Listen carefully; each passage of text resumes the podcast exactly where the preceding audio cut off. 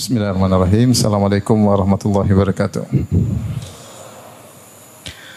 Alhamdulillahi ala ihsani wa syukru lahu ala taufiqihi wa amtinani wa asyhadu an la ilaha illallah wahdahu la syarika lahu ta'ziman li sya'nihi wa asyhadu anna Muhammadan abduhu wa rasuluhu da'ila ridwanih. Allahumma salli alaihi wa ala alihi wa ashabihi wa ikhwani. Hadirin al hadirat yang dirahmati oleh Allah Subhanahu wa taala, kita lanjutkan bahasan kita dari kitab Riyadhus Shalihin. Kita masuk pada bab ke-47, babu alamati hubbillahi taala lil abdi. Bab tentang tanda-tanda Allah mencintai hambanya wal hathi ala takhalluqi biha wa sa'yi fi tahsiliha. Dan uh, anjuran untuk berakhlak dengannya dan berusaha untuk mendapatkan kecintaan Allah kepadanya ya. Di sini Imam Nawawi rahimahullahu taala membawakan ayat-ayat dan juga dalil-dalil yang menjelaskan tentang tanda-tanda bahwasanya Allah mencintai seorang hamba ya. Karena yang mengaku-ngaku atau merasa dicintai oleh Allah eh, banyak tetapi belum tentu pengakuan mereka tersebut eh, benar ya. Oleh karenanya Allah Subhanahu wa taala menyebutkan sekelompok manusia yang mengaku dicintai oleh Allah namun ternyata tidak benar. Contohnya orang-orang Yahudi dan Nasara mereka mengaku adalah kekasih-kekasih Allah. Kata Allah Subhanahu wa taala wa qalatil yahudu wan nasara nahnu abnaullahi wa ahibbahu. Berkatalah orang-orang Yahudi Nasrani kami adalah uh, pilihan Allah dan kekasih-kekasih Allah. Ahibbahu. Ahibbah maksudnya jam dari uh, kekasih-kekasih Allah. Mereka mengaku demikian. Oleh karena mereka menyatakan la yadkhulul jannata illa man kana hudan aw nasara. Mereka mengatakan tidak masuk surga kecuali Yahudi dan Nasrani. Terlebih lagi orang-orang Yahudi yang menyangka mereka adalah Sya'bullahil Mukhtar, mereka adalah suku yang terpilih oleh Allah Subhanahu wa taala sehingga mereka menyangka selain mereka hanyalah diciptakan untuk berkhidmat dan melayani mereka. Apa kata Allah Subhanahu wa taala? Qul falima yu'adzibukum bidzunubikum bal antum basyarun mimman khalaq. Allah bantah pengakuan mereka yang mereka menyangka mereka adalah kekasih-kekasih Allah. Maka Allah berkata, "Qul falima yu'adzibukum bidzunubikum." Kalau begitu kenapa Allah menyiksa kalian akibat dosa-dosa kalian? Bukankah saudara-saudara kalian dahulu zaman dahulu ada yang pernah dirubah menjadi monyet-monyet dan babi-babi yang mereka telah melakukan pelanggaran di hari Sabtu sebagaimana yang Allah sebutkan dalam surat Al-A'raf ya. Was'alhum 'anil qaryati allati kanat hadiratal bahri idh ya'duna fi sabti idh ta'tihim hitanuhum yawma sabtihim syurra'a wa yawma la wa yawma la yasbituna la ta'tihim kadzalika nabluhum bima kanu yafsukun.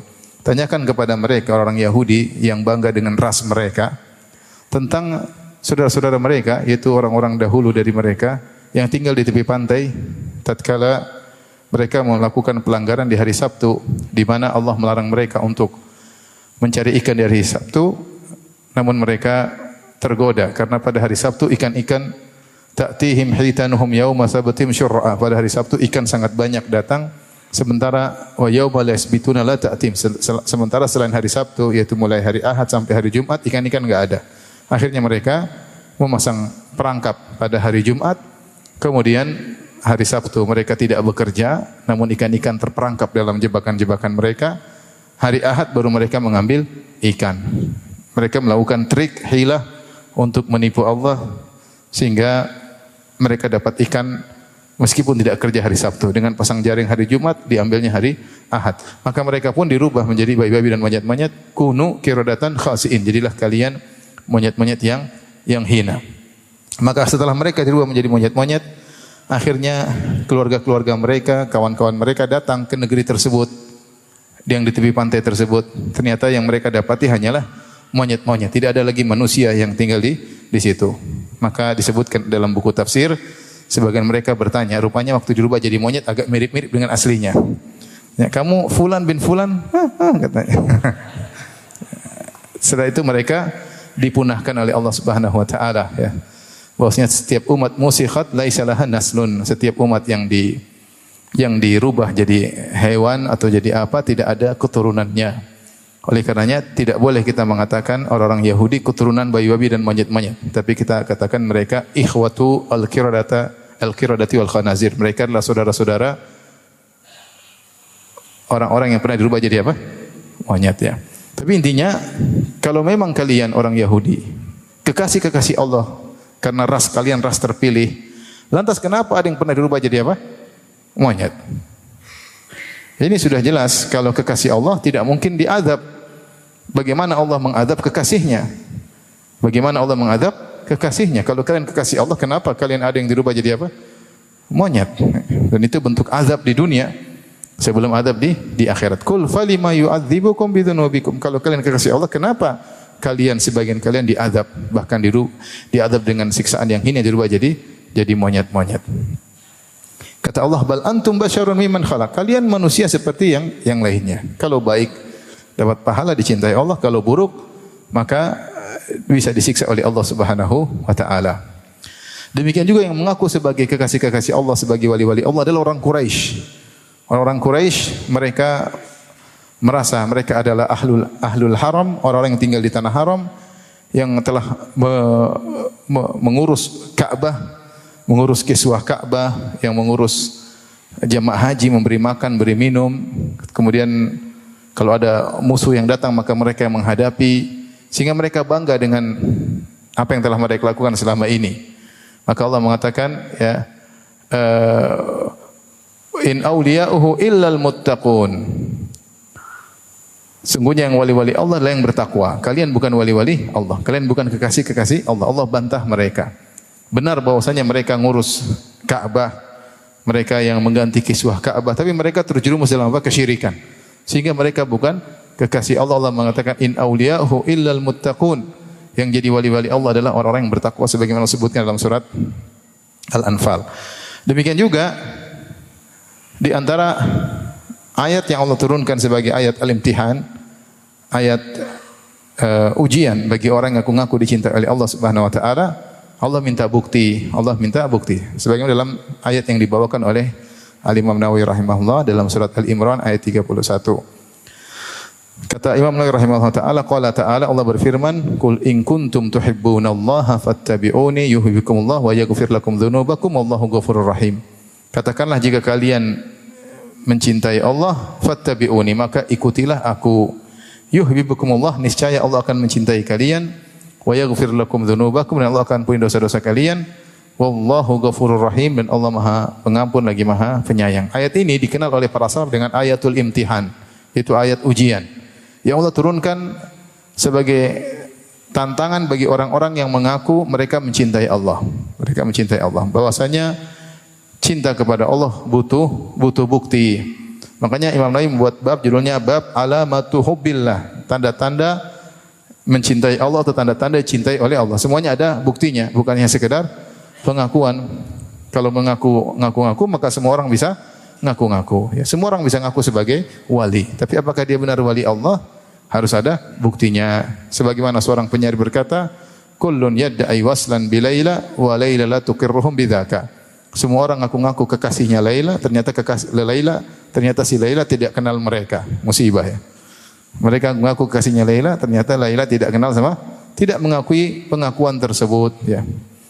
Nah, di sini Allah berfirman, kalau kalian cinta kepada Allah, katakanlah wahai Muhammad kepada mereka, kalau kalian cinta kepada Allah fattabi'uni, maka ikutilah aku. Kenapa bukti cinta kepada Allah harus mengikuti Nabi Muhammad SAW? Rahasianya mudah. Karena kalau kita mencintai sesuatu, mencintai misalnya mencintai seseorang, maka apa yang disukai oleh orang tersebut kita lakukan, itu tidak? Kalau kita sayang sama istri, kita sama istri, istri minta beli ini, minta beli anu, kita belikan. Ya. Apalagi dalam proses PDKT ya. Nah, dia ingin apa kita belikan dia karena kita cinta. Ya. Nah, siapa yang lebih tahu apa yang dicintai oleh Allah? Yang paling mengetahui apa yang dicintai oleh Allah siapa? Nabi Muhammad sallallahu alaihi wasallam. Nabi yang paling tahu apa yang paling dicintai oleh Allah, ibadah apa yang paling dicintai oleh Allah Subhanahu wa taala. Oleh karenanya kalau kalian benar-benar cinta kepada Allah, karena kalian tidak bisa interaksi tidak langsung bisa dapat penjelasan langsung dari Allah, tetapi melalui siapa? Nabi Muhammad sallallahu alaihi wasallam. Maka logikanya mudah. Kalau kalian benar-benar cinta kepada Allah, ikutilah Nabi Muhammad sallallahu alaihi wasallam. Niscaya yuhibbukumullah. Niscaya cinta kalian tidak akan bertepuk sebelah tangan. Niscaya Allah pun akan mencintai apa? Kalian. Bukan cuma itu, wa yaghfir lakum dzunubakum dan Allah akan mengampuni dosa-dosa kalian. Kalau kita kita manusia, kalau ada orang kita cinta sama dia, dia salah sama kita, kita mudah memaafkan. Kita mudah maaf karena kita cinta sama sama dia ya. ya. Wa yaghfir lakum dzunubakum wallahu ghafurur rahim dan Allah Maha mencintai dan Allah Maha menyayangi. Ayat ini uh, beberapa faedah yang bisa kita ambil. Yang pertama bahwasanya di antara tanda cinta kepada Allah dan juga tanda Allah mencintai seseorang adalah orang itu mengikuti sunnah-sunnah Nabi Shallallahu Alaihi Wasallam. Semakin banyak dia mengikuti sunnah Nabi Shallallahu maka semakin besar cinta Allah kepadanya dan semakin besar dia cinta kepada Allah Subhanahu Wa Taala. Nah, eh, kita dalam kehidupan ini berusaha meniti sunnah-sunnah Nabi Shallallahu Alaihi Wasallam. Kita mengikuti sunnah Nabi SAW baik dalam sisi akhlak maupun dalam sisi adab maupun dalam sisi akidah. Semuanya kita ikuti. Jangan kita hanya mengikuti sunnah Nabi pada sebagian sisi. Sebagian orang hanya mengikuti sunnah Nabi pada akidah, tapi akhlak tidak diikuti. Dan sebagian orang hanya mengikuti sunnah Nabi dari sisi akhlak dan adab, tapi akidah mereka campakkan sabda-sabda Nabi tentang akidah. Seorang pencinta yang mencintai Allah yang sejati, dia mengikuti Nabi SAW dalam segala hal. Baik dalam sisi akhlak, adab, muamalah, maupun terkait dengan akidah yang lebih penting tentunya. Mengikuti akidah Nabi Muhammad SAW. Bukan akidah yang dia karang sendiri. Demikian juga ibadah yang dia lakukan mengikuti Nabi SAW. Bukan ibadah yang dia karang sendiri. Ya. Ya, kalau semua orang bisa ngarang akidah dan ngarang ibadah, ngapain diutus Nabi Muhammad sallallahu alaihi wasallam? Nabi diutus untuk diikuti akidahnya maupun ibadahnya maupun akhlaknya maupun adabnya. Maka barometernya cinta Allah kepada seorang hamba adalah hal tersebut. Semakin ittiba kepada Nabi, semakin dicintai oleh Allah dan semakin mencintai Allah Subhanahu wa taala. Faedah yang berikutnya bahwasanya di sini ada sifat mahabbah. Allah memiliki sifat mencintai.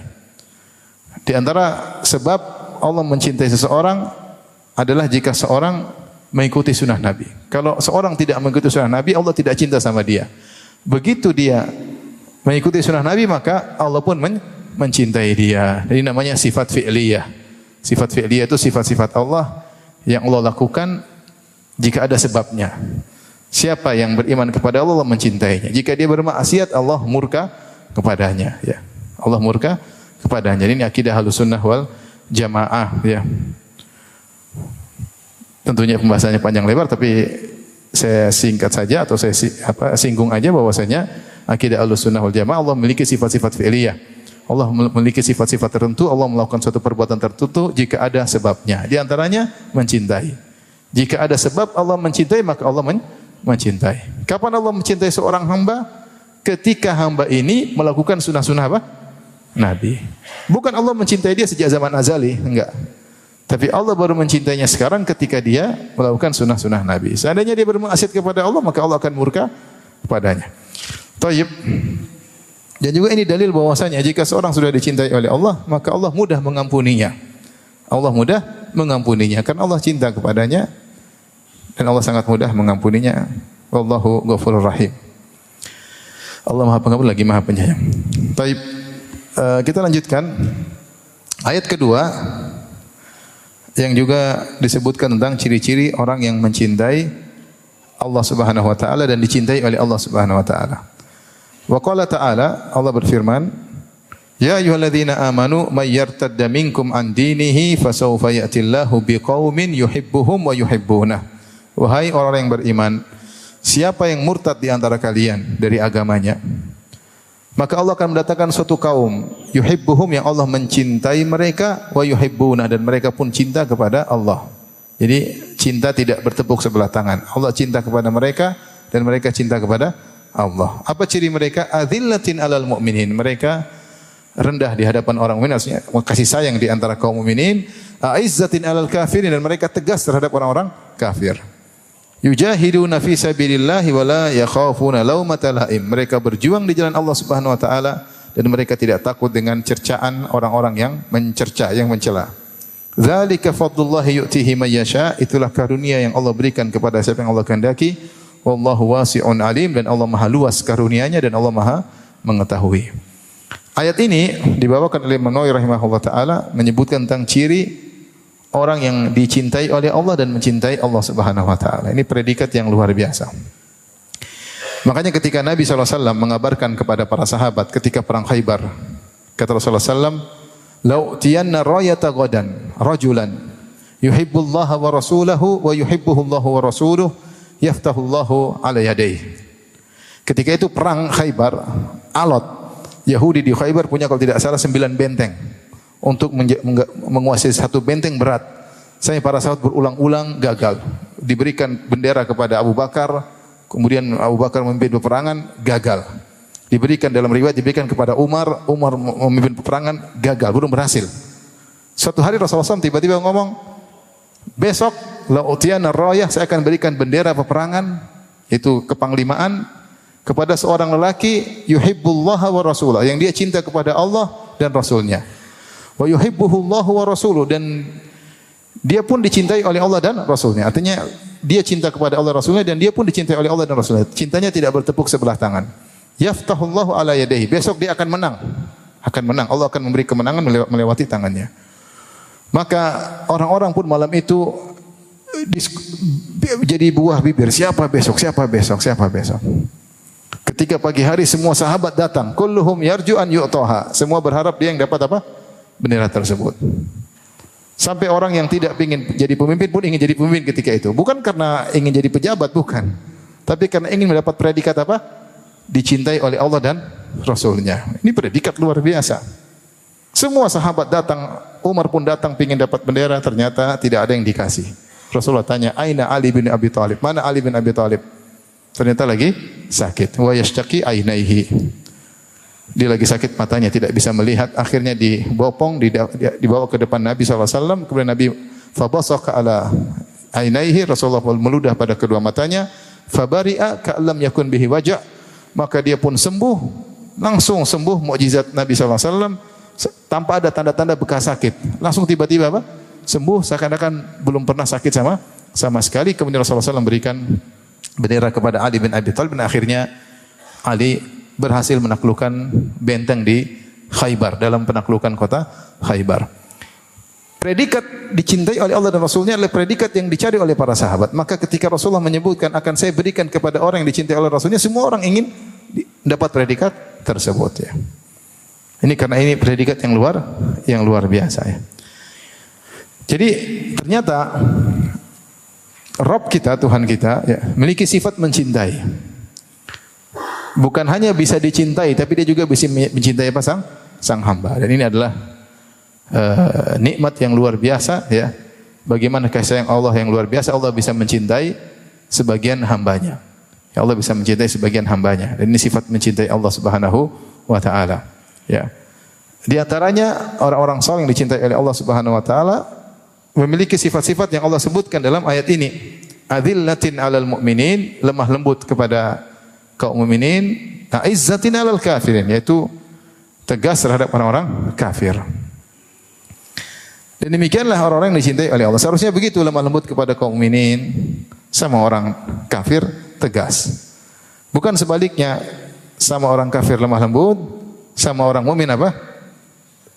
sangar. Jangan sebaliknya ya. Ini ciri kebalik. Sama orang kafir ngalahnya luar biasa, nunduk-nunduk, sama orang kafir, sama orang Islam petantang petenteng.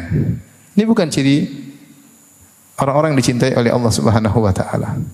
Allah yang sebut adzillatin al mu'minin yaitu lemah lembut terhadap kaum mukminin, aizzatin al kafirin. Tegas sama orang kafir, bukan malah sebaliknya. Zaman ini ada sebagian orang ngaku sebagai wali-wali Allah tapi ternyata tegas sama orang beriman, lemah lembut sama orang kafir.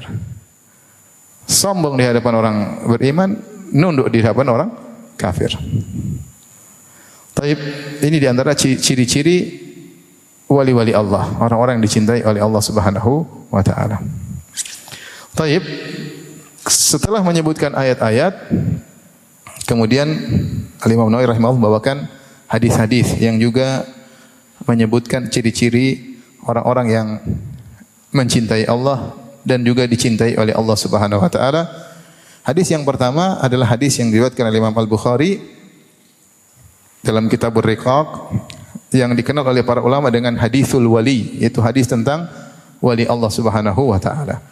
Dan al-wali diambil diambil dari kata al-walayah yang menunjukkan nusrah, al-qurb kedekatan, pertolongan, cinta yaitu Allah mencintainya, Allah menolongnya, Allah dekat dengannya, maka dia disebut dengan waliullah, wali Allah Subhanahu wa taala. Nah, dalam hadis wali ini Allah Nabi SAW menyebutkan hadis qudsi tentang penjelasan Allah mengenai sifat-sifat orang yang dicintai oleh Allah Subhanahu wa taala. Mari kita perhatikan. Kata Nabi sallallahu alaihi wasallam wa Nabi Hurairah radhiyallahu anhu kata kata Abu Hurairah, qala Rasulullah sallallahu alaihi wasallam, Rasulullah sallallahu bersabda, "Inna Allah ta'ala qala, inna Allah sungguhnya Allah berfirman." Ini namanya hadis apa? Qudsi. Dia beda dengan Al-Quran. Kalau Al-Quran kata para ulama, lafal dan maknanya dari Allah Subhanahu Wa Taala. Adapun kalau hadis qudsi, lafal dan maknanya dari Nabi sallallahu maknanya dari Allah, lafalnya dari Nabi. Maknanya dari Allah, lafalnya dari siapa? Nabi. Hanya saja Nabi menyandarkannya kepada Allah Subhanahu wa taala. Itu Nabi menisbahkan ini firman Allah. Jadi hukumnya beda dengan apa? Al-Qur'an. Kalau Al-Qur'an yuta'abbadu bitalawatihi. Membacanya ada pahalanya khusus. Siapa yang baca satu huruf dapat sepuluh pahala. Kemudian bacanya juga dengan tahsin, dengan tajwid. Kalau hadis qudsi enggak. Hadis qudsi dibaca pahalanya pahala ilmu, bukan pahala per huruf yang kita baca. Sehingga statusnya berbeda. Di antara perbedaan hadis qudsi dan Al-Qur'an, hadis qudsi lafalnya dari Nabi, maknanya dari Allah Subhanahu wa taala. Oleh karenanya para Orang-orang yang meriwayatkan hadis kursi terkadang berbeda-beda lafalnya karena mereka meriwayatkan hadis kursi bil makna dengan makna. Dalam riwayat yang lain maknanya berbeda, dalam riwayat yang maknanya berbeda, lafalnya berbeda. Beda Al-Qur'an. Kalau Al-Qur'an enggak boleh. Lafalnya harus sesuai dengan lafal dari Allah Subhanahu wa taala. Tapi intinya hadis qudsi adalah firman Allah yang hukumnya bukan hukum Al-Qur'an, tapi hukumnya apa? Hadis. Dan hadis qudsi hukumnya macam-macam secara sanatnya. Ada hadis qudsi yang sahih, ada hadis qudsi yang dhaif, ada hadis qudsi yang palsu. Kalau Al-Qur'an semuanya apa? Sahih karena diriwayatkan mutawatir seluruhnya. Hadis qudsi macam-macam. Ada hadis yang dhaif, ada yang sahih, ada yang uh, maudhu, palsu dan yang lainnya. Di antara hadis qudsi yang sahih, hadis ini dalam Sahih Bukhari. Rasulullah SAW bersabda, Inna Allah Ta'ala qala, sungguhnya Allah yang maha tinggi berfirman, Man adali waliyan, siapa yang memusuhi waliku. Faqad adantuhu bil harbi, aku telah mengumumkan perang dengannya. Wa ma taqarraba ilayya 'abdi bi syai'in ahabba ilayya mimma aftaradtuhu mimma aftaradtu alaihi. Tidaklah hambaku mendekatkan dirinya kepada aku dengan suatu yang lebih aku cintai dari yang wajib-wajib. Wa ma yazalu 'abdi yataqarrabu ilayya bin nawafil hatta uhibbah. Senantiasa hambaku mendekatkan dirinya kepadaku dengan perkara-perkara sunnah sampai aku mencintainya. Fa idza ahbabtuhu kuntu sam'ahu alladhi yasma'u bihi. Kalau aku sudah mencintainya, maka jadilah aku pendengarannya yang dia mendengar dengannya. Wa basarahu alladhi wa basarahu alladhi yubsiru bihi dan aku menjadi penglihatannya dan yang yang dia melihat dengan penglihatan tersebut. Wa yadahu allati yabtushu biha. Aku menjadi tangannya yang tangannya memegang dengan yang dia memegang dengan tangan tersebut. Warijilhu lati yamshi biha dan aku menjadi kakinya yang dia berjalan dengan kaki tersebut. Wa in sa'alani kalau dia memohon kepadaku wa'tiyannahu aku akan kabulkan permohonannya. Wala in ista'adani kalau dia minta pertolongan perlindungan kepadaku la u'idzannahu aku akan melindunginya. Hadis riwayat Al-Bukhari. Kata Imam Nawawi rahimahullah taala makna adzantuhu maknanya adalah a'lamtuhu bi anni muharibun lahu yaitu aku kabarkan kepadanya aku memeranginya. Wa qawluhu ista'adzani ruwiya bil ba wa ruwiya bin nun. Bisa ista'adzani bisa ista'adzabi. Intinya hadis ini Allah sebutkan di awal hadis siapa yang memusuhi waliku maka aku akan memeranginya. Oleh karena hati-hati jika kita telah mengetahui seorang dikenal sebagai orang soleh, ya dari tutur katanya, dari ibadahnya, dari tulisannya, dari uh, kesolehannya. Orang soleh kita tahulah. Bisa jadi dia wali Allah Subhanahu wa taala. Maka jangan mengganggunya. Jangan itu coba-coba meng mengganggunya. Kalau kita mengganggunya dan menyakitinya, maka akan ada balasan cepat atau lambat. Karena kita mengganggu orang yang dicintai oleh Allah Subhanahu wa taala. Maka Allah memberi rasa takut dengan mengatakan man adzana man adzali waliyan man adali waliyan. Siapa yang musuhi waliku faqad adzantuhu bil harbi. Sungguh aku telah uh, mengumumkan untuk perang perang dengannya. Dan ini musibah. Jika seorang diperangi oleh Allah Subhanahu wa taala dia akan binasa. Kalau tidak binasa di dunia dia akan binasa di akhirat. Kebinasan di dunia bisa dia semakin terjerumus dalam banyak kemaksiatan dalam kemungkaran dalam kesombongan dalam banyak hal ya terpedaya dengan dunia, sibuk dengan dunia, binasa. Dunia apa namanya? agamanya hancur. Di akhirat lebih parah lagi. Maka seperti dikatakan oleh para ulama istilah luhumul ulama masmumah bahwasanya daging para ulama beracun. Daging ulama beracun. Maka seorang waspada ketika berbicara tentang para ulama. Mengkritik boleh dengan adab. Mengkritik boleh. Ulama tidak ada yang maksum. Mereka pasti punya kesalahan. Tapi seorang yang sudah dikenal dengan perjuangan membela Islam, kalaupun dia salah, kita kritiki dengan uh, dengan dengan adab. Bahwasanya dia salah, pemikiran ini berbahaya misalnya, atau ini kesalahan fatal dengan adab mengkritiknya karena mereka adalah para para ulama yang telah menghabiskan umur mereka untuk berkhidmat kepada agama Allah Subhanahu wa taala. Oleh karenanya, subhanallah, uh, kita dapat misalnya seorang getol mencela salah seorang ulama ahlu sunnah. Saya lihat kehidupannya semakin parah. Semakin sombong, semakin angkuh, semakin ngawur pembicaraannya, semakin nah ini karena kesombongan. Mencela ulama, merendahkannya seakan-akan ulama ini hanya anak SD. Subhanallah. Gimana seorang ulama misalnya al hadis kan al hadis ini anak SD juga bisa seperti dia atau anak SMP, anak S1 bisa seperti dia. Ini enggak benar seperti ini ya. Ya kalau orang punya ilmu ya kita akui. Kalau kritik-kritik aja enggak masalah. Semua orang juga kita boleh mengkritik, kita boleh dikritik. Tapi menghina seakan-akan dia tidak punya ilmu, Allah Maha tahu itu penghinaan dan tidak tidak benar ya. Lihat apa yang terjadi pada orang seperti ini, semakin gila pemikirannya, semakin rusak apa namanya alur pemikirannya. Semakin bicara yang aneh-aneh. Saya khawatir masuk dalam hadis ini, ya mencela para ulama tanpa ada dhawabit, tanpa ada uh, apa namanya uh, aturan. Mencela kita kritik boleh, ini begini, ini salah, ini menyimpang, silahkan, nggak ada masalah. Tapi jangan kau bilang ini seperti anak SMP atau anak SMA atau S1 merendahkan, ya ini ini lain halnya, ya. Tidak usah, tidak usah kita kritik orang kita nggak perlu apa? Nggak perlu sombong, nggak perlu angkuh. Baik. Kata Allah Subhanahu wa setelah itu, "Wa ma taqarraba ila 'abdi bi syai'in ahabba ilayya mimma aftaratu alaihi."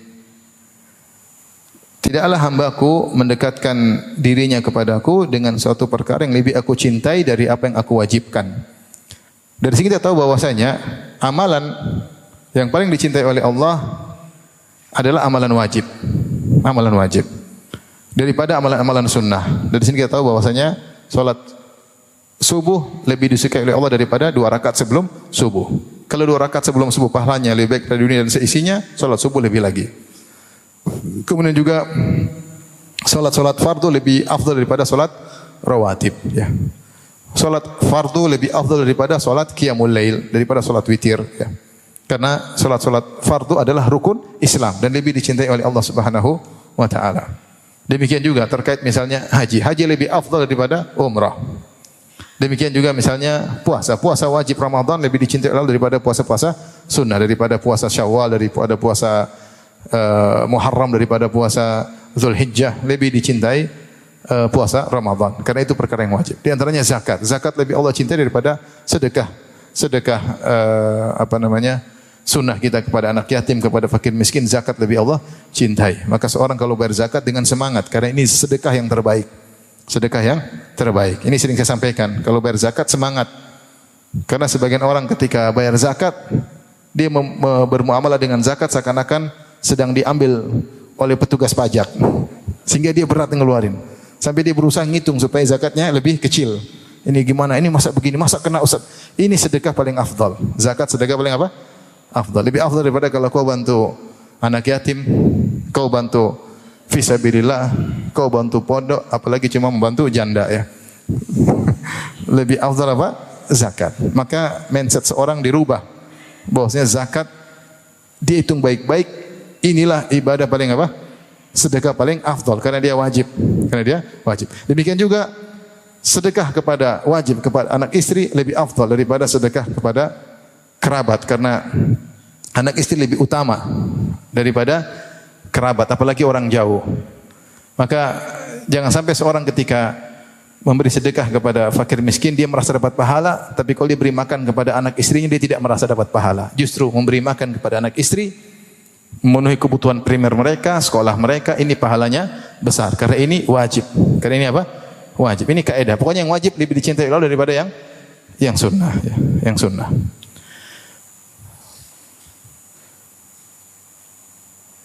Taib kata Allah Subhanahu wa taala, "Wa ma taqarraba ila 'abdi bi syai'in ahabba ilayya mimma aftaratu alaih." Aku tidak hamba aku tidak mengatakan dirinya kepadaku dengan suatu yang lebih aku cintai dari perkara-perkara yang yang wajib. Setelah itu Allah mengatakan, setelah hamba aku melakukan perkara-perkara yang wajib, wa ma yazalu 'abdi yataqarrabu ilayya bin nawafil hatta uhibbah. Senantiasa hambaku mendekatkan dirinya kepada aku dengan perkara-perkara yang sunnah sampai aku mencintainya. Nah ini tanda bahwasanya seorang dicintai oleh Allah, dia mendekatkan diri kepada Allah dengan perkara-perkara yang sunnah. Setelah dia tidak membatasi dirinya dengan perkara yang wajib aja. Setelah wajib dia kerjakan, dia mulai mengerjakan yang apa sun? sunnah-sunnah. Terus dia meniti puasa setelah puasa Ramadan, puasa Syawal, puasa Senin Kemis. Setelah zakat dia juga bersedekah, setelah haji dia umrah, ya. Setelah sholat lima waktu dia sholat malam, kemudian sholat rawatib. Dia lakukan yang sunnah-sunnah, ya. Apa sunnah yang dikerjakan di rumah, ketika dalam rumah, bagaimana sunnah yang dilakukan ketika di masjid, ketika ketemu tetangga. Dia berusaha mengerjakan terus mendekatkan diri kepada Allah. Kata Allah, hatta uhibbah sampai aku pun mencintai mencintainya. Artinya cinta Allah baru jatuh kepadanya, baru Allah mencintainya setelah hamba ini melakukan perkara-perkara yang yang sunnah. Kemudian apa hasilnya jika Allah sudah mencintainya? Jika faidah ahbabtuhu, jika aku sudah mencintainya, aku menjadi pendengarannya yang dia mendengar dengannya, aku menjadi penglihatan yang dia mendengar melihat dengan penglihatan tersebut, aku menjadi tangan yang dia memegang dengan tangan tersebut, aku menjadi kakinya yang dia berjalan dengan kaki tersebut dalam riwayat yang lain. Kuntu lisanahu alladhi yantiqu bi aku menjadi lisannya yang dia berbicara dengan lisan tersebut dalam riwayat qalbahu alladhi yaqilu bihi aku menjadi hatinya yang dia berfikir dengan hatinya tersebut. Apa maksud di sini? Para ulama menjelaskan bahwasanya Allah membimbing seluruh tubuhnya. Tidaklah dia melihat kecuali yang baik-baik. Kalau melihat yang buruk dia tidak suka, dia berpaling. Allah membimbing telinganya, dia tidak suka, dia gerah kalau mendengar hal-hal yang haram. Dia tidak suka. Kemudian dia tidak melakukan dengan tangannya perkara yang diharapkan Allah Subhanahu wa taala ya. Tidak melangkahkan kakinya menuju tempat-tempat yang tidak disukai oleh Allah Subhanahu wa taala. Bahkan dia tidak tidak serak kalau mikir yang tidak-tidak. Pikirannya tidak ngeras, tidak macam-macam. Dia tidak suka. Allah jaga pikirannya. Allah jaga lisannya. Dia tidak mengucapkan, tidak menulis, tidak berkomentar kecuali yang baik-baik. Dia sebelum dia berkomentar dia mikir terlebih dahulu. Ini ciri-ciri wali Allah Subhanahu wa taala, yaitu taat menjalankan sunnah-sunnah Nabi, di lain sisi jauh dari kemaksiatan. Dia mendekatkan diri kepada Allah dengan sunnah-sunnah, akibatnya dampaknya Allah Subhanahu wa taala menjauhkan diri dari maksiat. Nah inilah ciri orang dicintai oleh Allah Subhanahu dan sesuai dengan firman Allah Subhanahu wa taala, "Ala inna awliya Allahi la khaufun alaihim wa lahum yahzanun alladzina amanu wa kanu yattaqun." Ketahuilah bahwasanya wali-wali Allah tidak ada kekhawatiran bagi mereka dan tidak ada kesedihan bagi mereka. Alladzina amanu wa kanu yattaqun. Mereka adalah orang yang beriman dan bertakwa kepada Allah. Ciri wali Allah iman dan takwa. Apa itu iman dan takwa? Beramal soleh, jauh dari maksiat. Itu namanya wali Allah Subhanahu wa taala. Tapi kalau orang suka ngaku sebagai wali, kemudian jabat tangan dengan perempuan, duduk sama perempuan, ketawa ketiwi sama perempuan, ngaku sebagai wali, kemudian joget-joget, ya, loncat kanan, loncat kiri, ngaku sebagai wali tapi kemudian ada tidak suka dengan syariat, tidak suka dengan orang berjilbab, membolehkan orang tidak berjilbab, buka aurat tidak ada masalah. Ini bukan wali Allah Subhanahu wa taala. Ya. Ada orang ngaku sebagai wali, katanya semua agama masuk surga. Ini bukan wali Allah Subhanahu wa taala. Ya. Ada orang mengaku wali tapi konser maksiat oke okay, katanya. Ini gimana wali Allah Subhanahu wa taala? Silakan nonton katanya konser maksiat. Enggak benar ya. Percuma engkau ngaku sebagai wali Allah kalau tidak ada ciri-ciri wali Allah. Orang yang wali Allah saja tidak ngaku-ngaku. Apalagi kalau ngaku sebagai wali Allah tanpa ada bukti. Ciri wali Allah sederhana. Bertakwa kepada Allah, menjalankan sunnah-sunnah Nabi jauh dari maksiat. Dan semua orang boleh jadi wali. Hanya saja wali itu bertingkat-tingkat. Hanya saja wali itu bertingkat-tingkat. Semakin dia bertakwa kepada Allah, semakin menjadi wali Allah. Semakin diperhatikan Allah, semakin disayang oleh Allah Subhanahu wa taala. Semakin dia jauh, semakin rendah kewaliannya. Maka setelah itu Allah mengatakan wala in sa'alani la utiyanna. Kalau dia mohon kepadaku aku akan mengabulkannya. Wala in sa'adani kalau dia minta perlindungan kepadaku aku akan melindunginya. Jadi jelas ciri seorang dicintai oleh Allah Subhanahu wa taala adalah taat kepada Allah Subhanahu wa taala. Dari sini uh, lihatlah bagaimana para wali-wali Allah seperti para sahabat. Adakah di antara mereka yang tukang maksiat? Abu Bakar, Umar, Uthman, Ali, ya. Tidak ada, mereka semua orang bertakwa. Orang-orang yang sudah dijamin masuk surga tapi tetap aja tidak sombong, tidak mentang-mentang. Padahal sudah dijamin masuk surga oleh Nabi berulang-ulang. Tidak ada yang mengatakan, hmm, saya sudah tidak ada. Semua takut kepada Allah tawadhu. Ini sebagian orang tidak ada tidak ada dalil bilang dia masuk surga dia bilang kita pasti masuk surga. Subhanallah. Terucap dari terucap dari sebagian orang kita pasti masuk surga. Kalau sama kami pasti masuk surga. Golongan kami pasti masuk surga. Jangan gitu kali ya. Abu Bakar saya tidak begitu, Umar tidak begitu, Utsman tidak begitu, Ali tidak begitu. Kemudian kita jangan berlebih-lebihan. Kalaupun wali jangan gitu dong. Hormati wali-wali yang lebih wali. Yang lebih wali saja tidak begitu, kenapa Anda yang wali-walian kemudian terlalu pede, terlalu pede. Lihat Umar bin Khattab ketika meninggal dunia, seorang pemuda datang muji-mujinya kau begini, kau begini, kau begini. Kata Umar, kafafan lali wal alai. Saya rasa yang penting impas. Yang penting impas. Saya ingin bertemu dengan Allah dalam kondisi apa? Impas. Dia tidak mengatakan, ya memang saya begitu. Oh, kau tidak dengar Nabi bilang saya masuk surga. Oh, saya begini, saya begini. Tidak ada. Umar tidak ada begitu. Tidak ada. Semuanya takut kepada Allah Subhanahu wa taala, ya. Oleh karenanya ciri-ciri wali harus kita ketahui. Apalagi kemudian di, sebagian orang menjadikan gila adalah ciri wali. Gila ciri wali. Katanya namanya wali majdub. Wali gendeng. Dia karena saking cinta sama Allah kemudian dijadab oleh Allah jadi gendeng. Ya akhi, siapa yang lebih cinta sama Allah? Wali gendeng tersebut atau Rasulullah SAW? Seharusnya kalau gila adalah ciri wali, yang paling gila harusnya Nabi SAW. Tingkat gila kedua Abu Bakar, Umar dan Uthman dan Ali. Ya, ya ada kesahabat karena saking cinta sama Allah jadi orang gila? Ada enggak? Berarti mereka kurang top. Yang top yang sudah apa? Gila. Ini gila, orang gila dianggap seharusnya kalau orang gila kita kasihan sama dia ya. Bukan kita malah cari berkah sama sama dia, malah ngantri. Dia lagi stres, lagi macam-macam, lagi ngerokokan, lagi nggak pakai mungkin sebagian baju terbuka malah diusap-usap. Makanya terkadang kita bingung, yang gila orang gilanya atau yang mewalikan orang gila. Repot. Ini penghinaan terhadap syariat. Bagaimana Anda menjadikan orang gila sebagai tingkat orang mukmin yang tertinggi? Karena setelah wali Nabi, tingkat orang mukmin tertinggi sebelum Nabi adalah orang apa? Orang gila. Ini enggak benar. Orang gila itu kita kasihan sama dia. Kalau perlu di dia macam-macam ya kita amankan.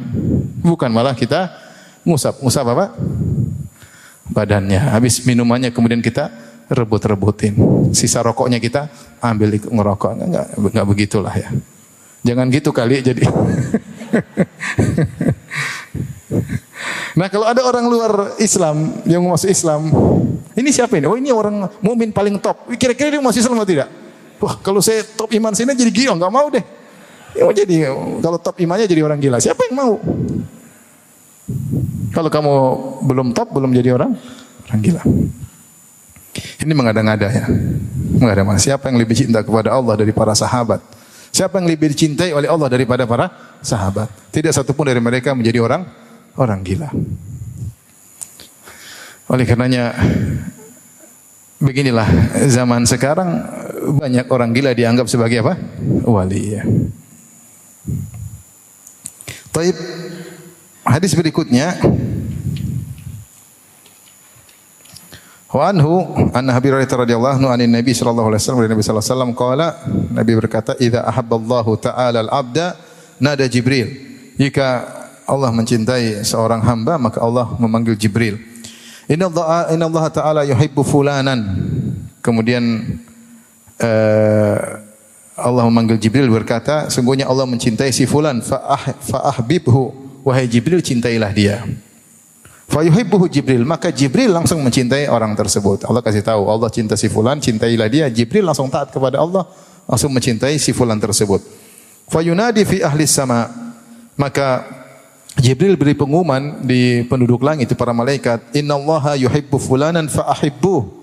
Sungguhnya Allah mencintai si fulan, maka cintailah dia. Fayuhibbuhu ahlus sama, maka malaikat semua langsung cinta sama orang ini. Orang ini top di langit ya.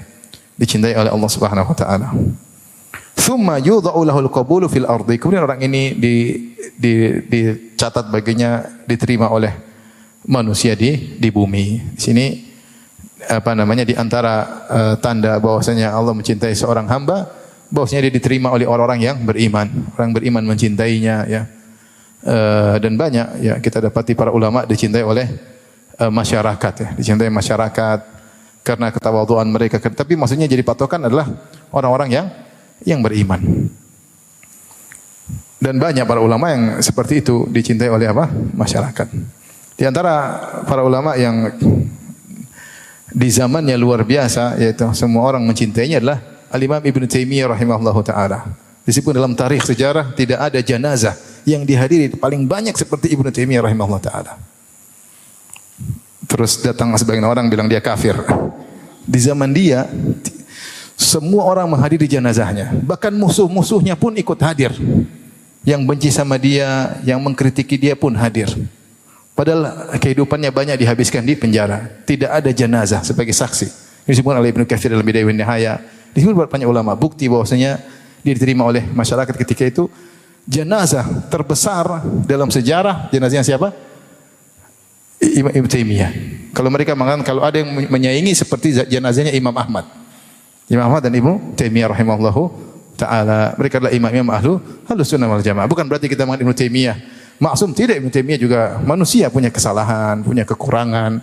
Tapi kemudian mengatakan dia adalah orang sesat, kemudian orang kafir sementara dipuji oleh para ulama habis-habisan. Dipuji oleh Az-Zahabi, dipuji oleh Ibnu Hajar, dipuji oleh eh, para ulama di zamannya semua muji dia. Ya. Bukan berarti mereka tidak kritik, mereka kritiki.